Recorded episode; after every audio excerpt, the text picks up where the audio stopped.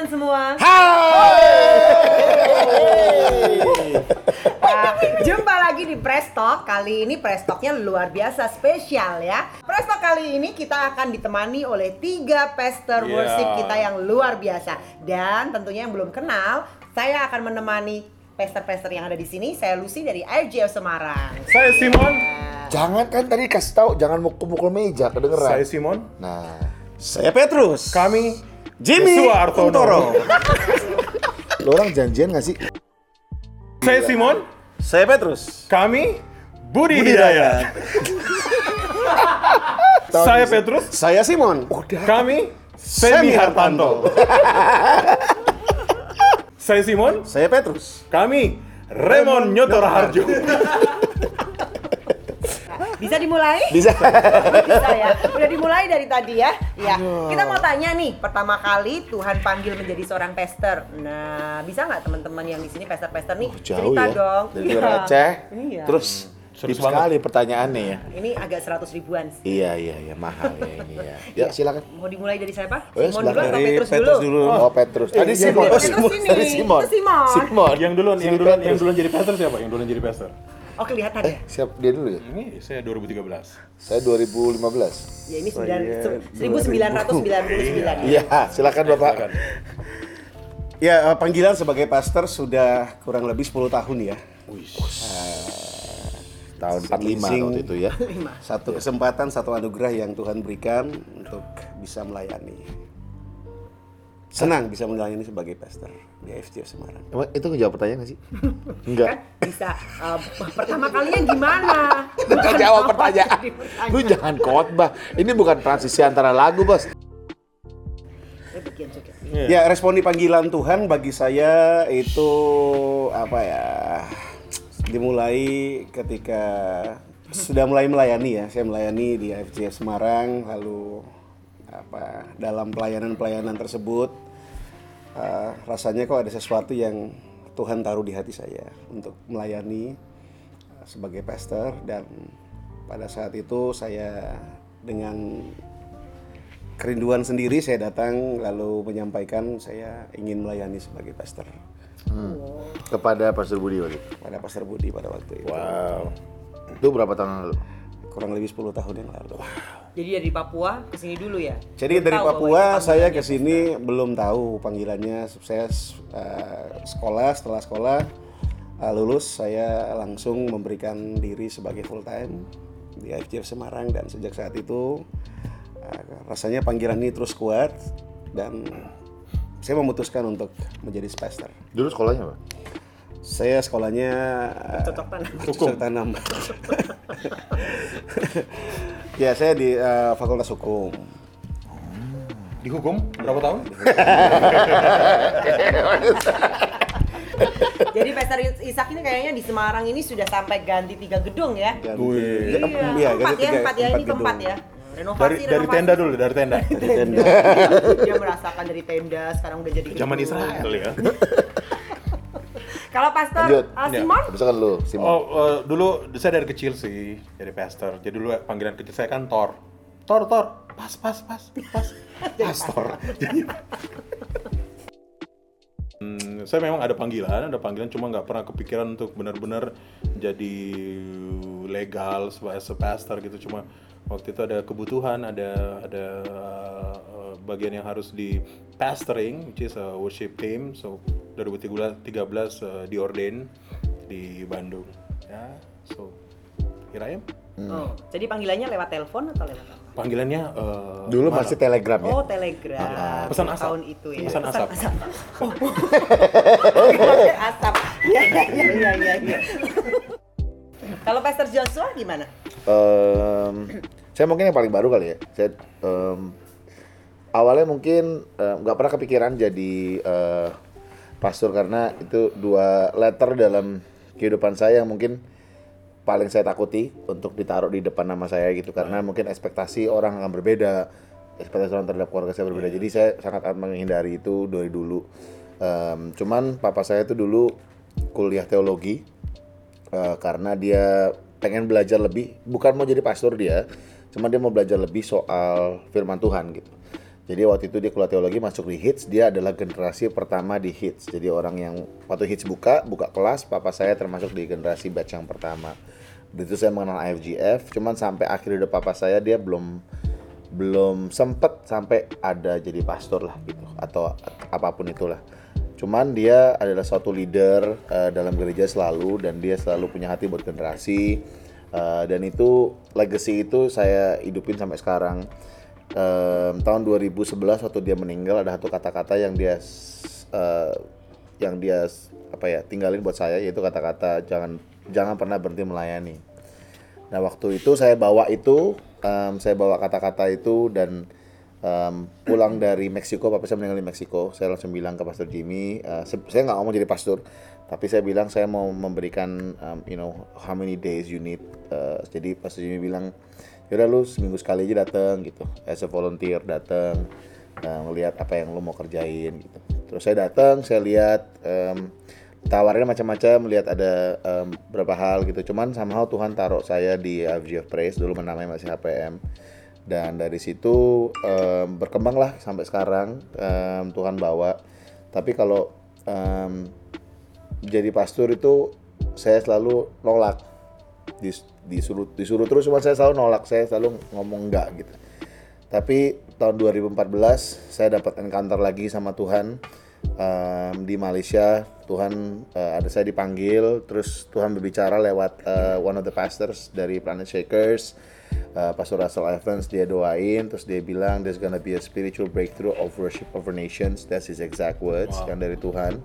Dan saya ambil itu dan em, saya mulai nggak berkeras hati lagi eh, karena decision sebagai pastor ini menurut saya bukan hanya buat saya doang tapi buat keluarga juga gitu and it's not easy for my wife especially uh, for my kids juga gitu misalnya anak gue nakal terus dia, ih gila lu anak pastor nakal pecicil pecicil pecicilan gitu ya jadi Kredit. apa Cicilan kredit. cicilan kredit gitu kan 12 bulan kan 0% lama cicilan. ya kan nah terus akhirnya I think um, istri saya udah oke um, istri saya um, juga mensupport saya waktu itu dan akhirnya saya bilang ya udah pastor I'm, I'm I'm ready. Uh, what do I need to do? And I said yes to that calling lah. Um, segala ketakutan segala kebimbangan nah, pasti Tuhan akan jawab. Makanya lahir lagu Love of My Life dari situ. Oh, gitu. Ya, luar biasa menginspirasi ya. Kalau Pastor Simon dan Pastor Petrus ini punya ketakutan nggak? Uh, takut nikah. Bukan. Maksudnya ketakutan menjadi pastor.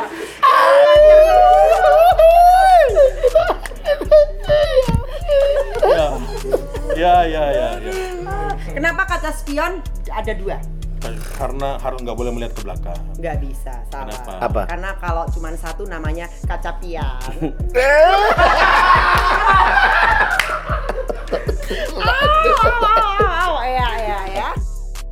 Pastor Rano? Hmm. Punya nggak ketakutan waktu menjadi pastor? Oh, kan iya. Pastor Joshua tuh awalnya nggak mau tuh ya kan eh, apa namanya title pastor ada di depan tapi bisa ditaruh di belakang loh pastor. bisa ya Iya, Joshua Jadi- Artono pastor. PS Jadi gitu ya. PlayStation dong kalau di belakang. Eh, Pak jawab pertanyaannya Pak Oke, oh. pastilah um, uh, gelarnya itu nggak gampang ya karena begitu ada gelar itu di namanya kita, somehow kehidupan kita langsung terekspos dan dan which is fine sih ya sebenarnya uh, cuma ya kadang-kadang setiap orang tuh punya idealismenya masing-masing terhadap uh, orang-orang uh, yang yang punya punya apa nih uh, jabatan hamba Tuhan. Jadi mereka pe- berekspektasi bahwa kamu harus seturut berpadan dengan firman Tuhan dalam kehidupanmu. Bahkan kalau kita misalnya uh, sedikit mungkin menaikkan nada suara kita, dipikirnya kita uh, marah lah atau atau ya memang marah sih menaikkan nada suara.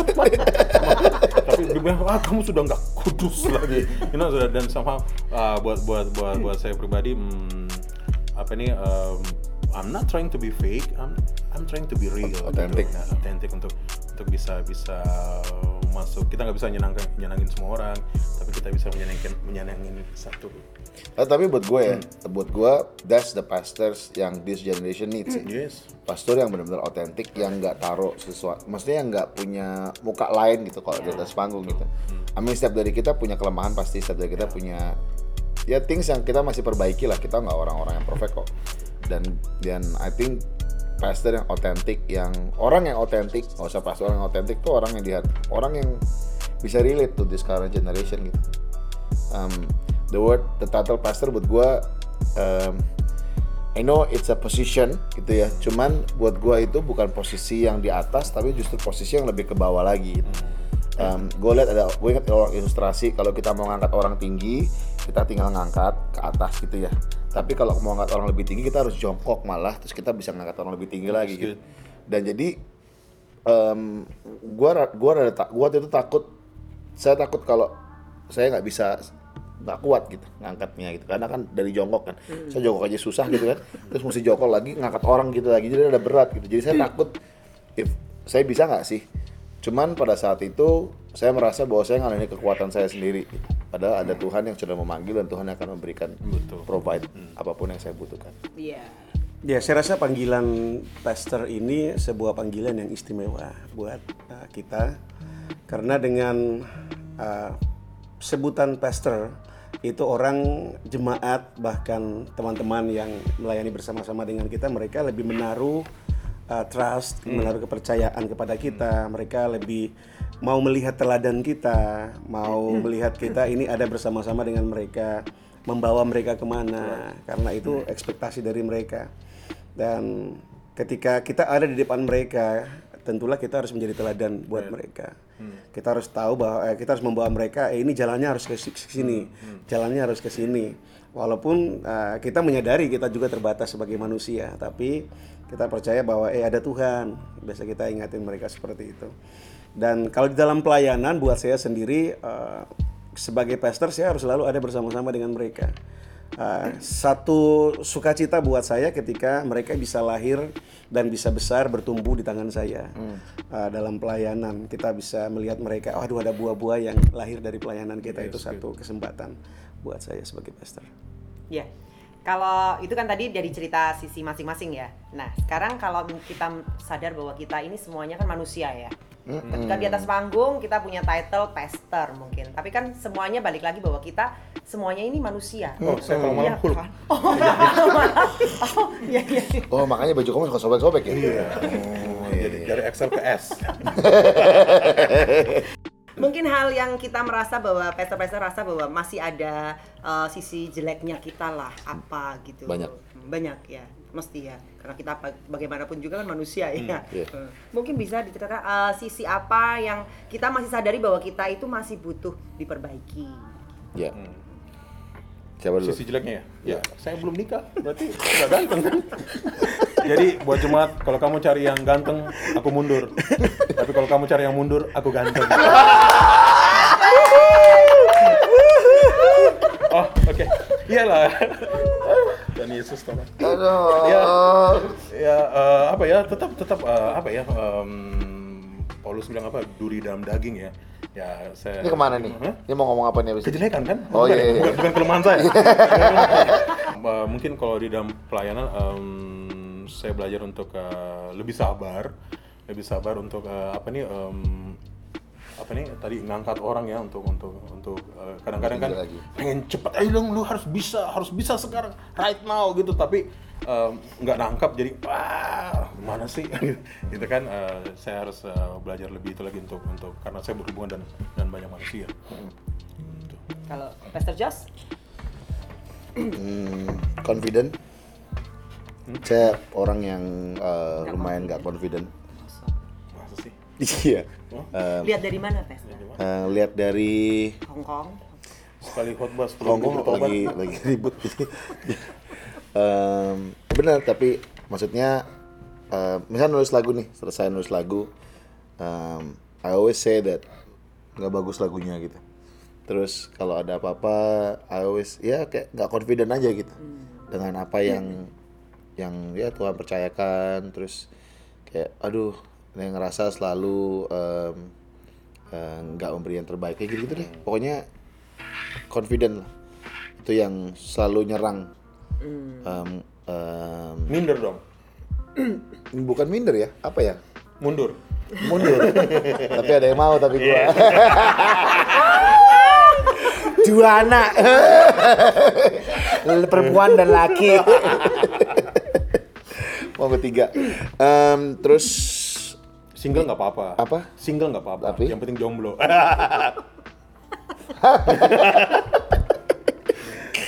Iya, ya at- confident lah. I think itu yang selalu apa ya ya selalu attack lah.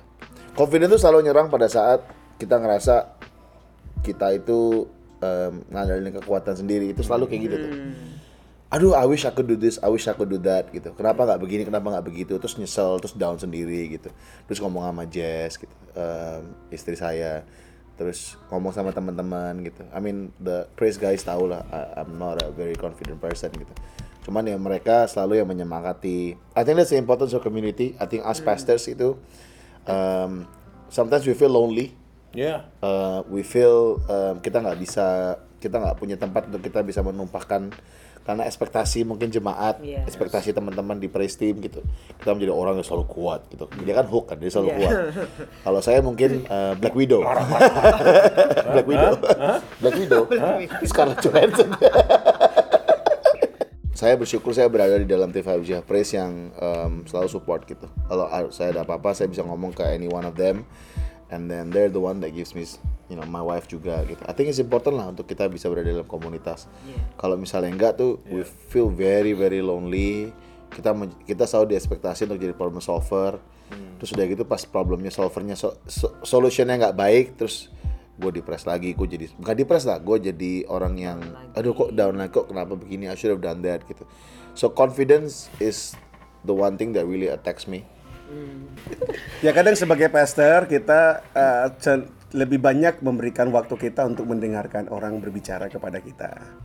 Tapi ketika kita sendiri dalam masa-masa yang apa sulit, masa-masa yang berat buat kita, kadang kita mau menceritakan kepada eh, orang lain kepada ini eh, kita sendiri terbatas. Tapi di saat-saat seperti itulah kalau menurut saya lagu dari Promise ini banyak berbicara, berbicara dalam hidup saya bahwa eh kamu tuh perlu Tuhan, kamu tuh perlu perlu janji Tuhan, perlu berbicara dengan Tuhan.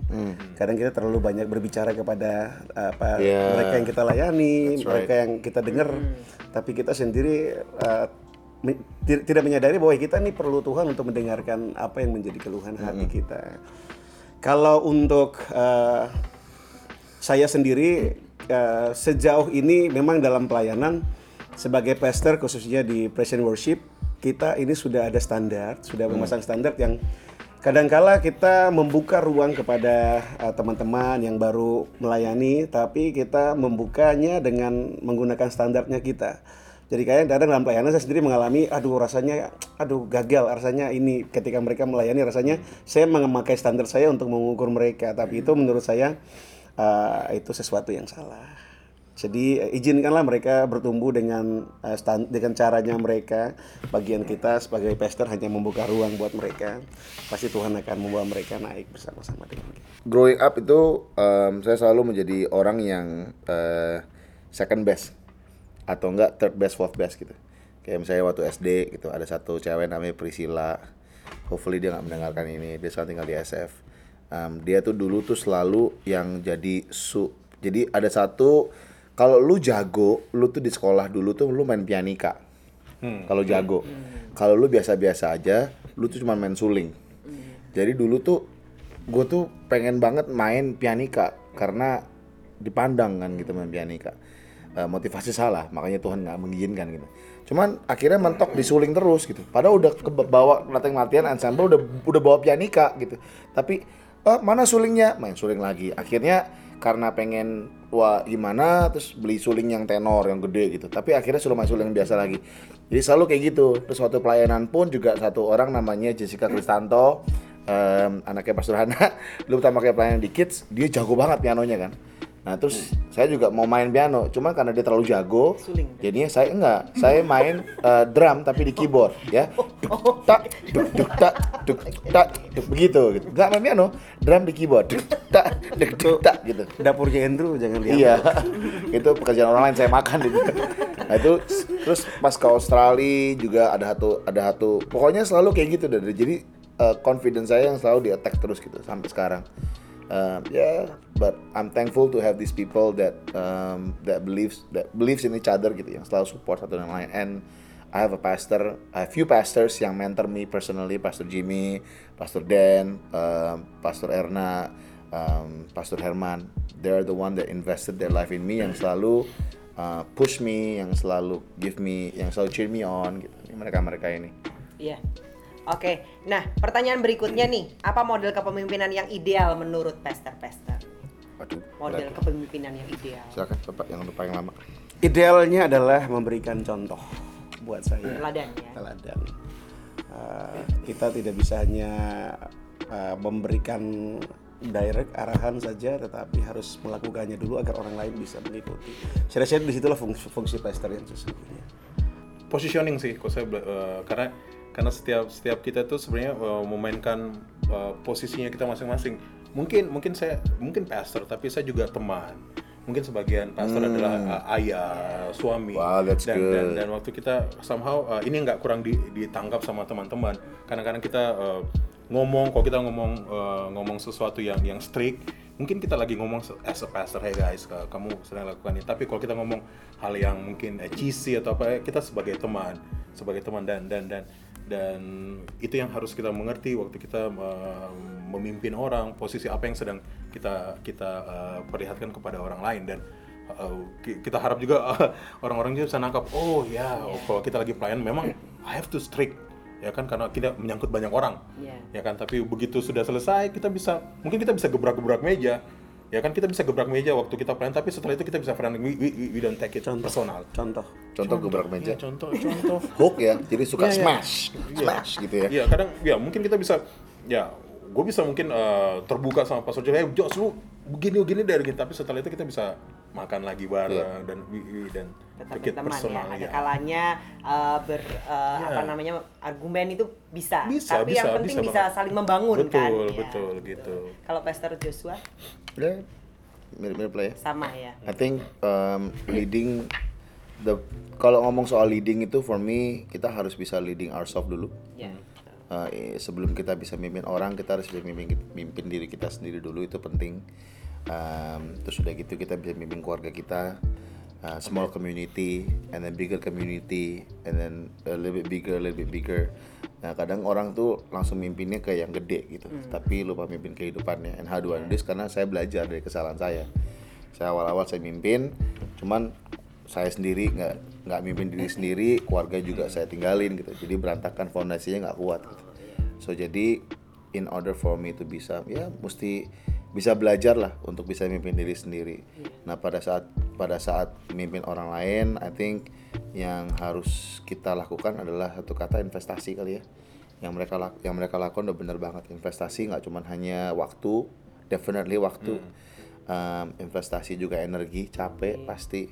Um, saya saya selalu bilang capek itu pasti, burnout itu nggak mungkin. Right. Um, pasti capek capek hati yes pasti gitu. kecewa iya. Cuma nggak nggak pernah burn out. I never get burn out. Uh, cuma capek sering banget. Um, terus yang ketiga nggak cuma hanya wak- waktu energi tapi juga uang juga.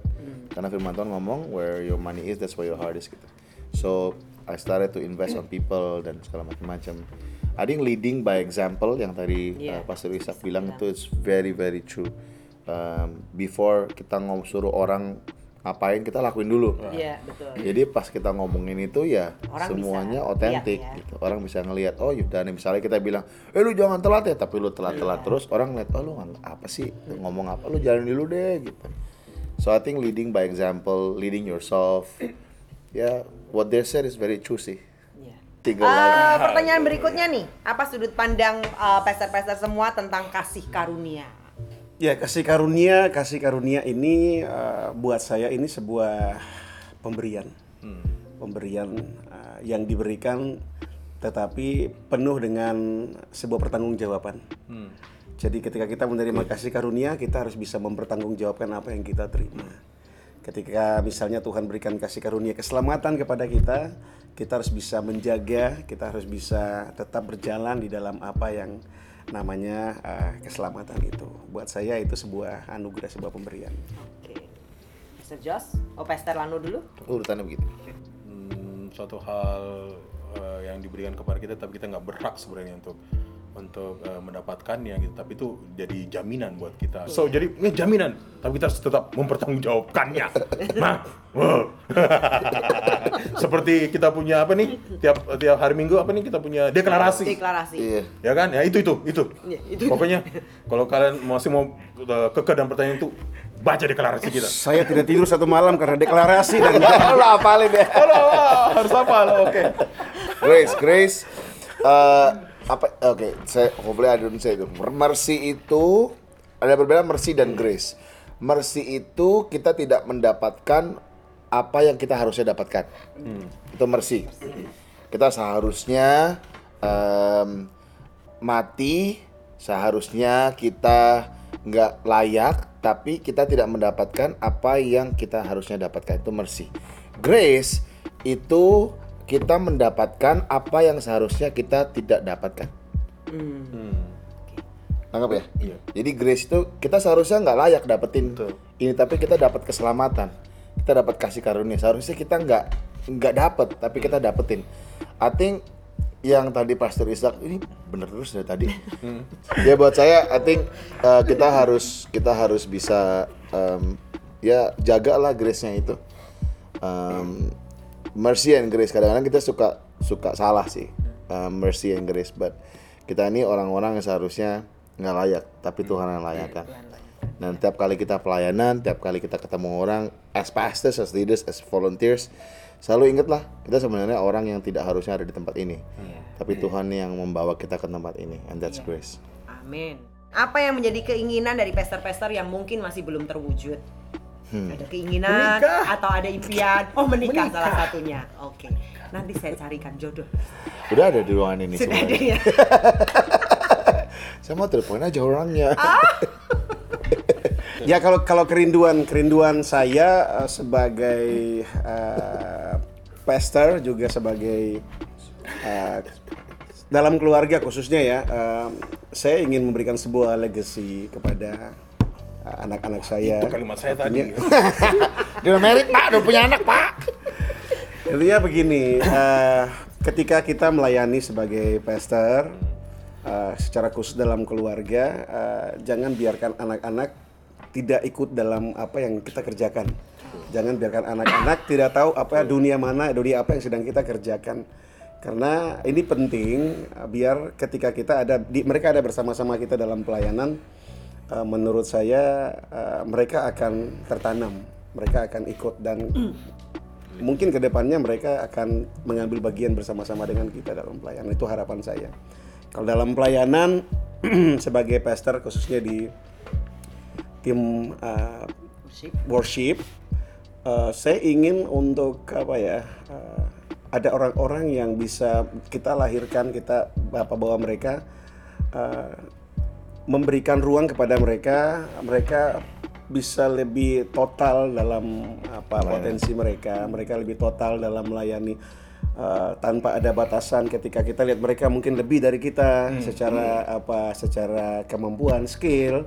Mungkin kita bisa dorong mereka untuk lebih maju memberikan ruang lebih banyak kepada mereka sehingga kita punya warna yang banyak dalam pelayanan lebih kaya dalam pelayanan Melibatkan anak-anak lah ya. ya melibatkan anak-anak From itu saya pengen lihat gereja-gereja di Indonesia ataupun sekitar Indonesia bergabung menjadi satu, saling melengkapi, bukan bersaingan tapi saling melengkapi untuk menghasilkan generasi-generasi yang baru yang menyembah roh Tuhan dalam roh dan kebenaran.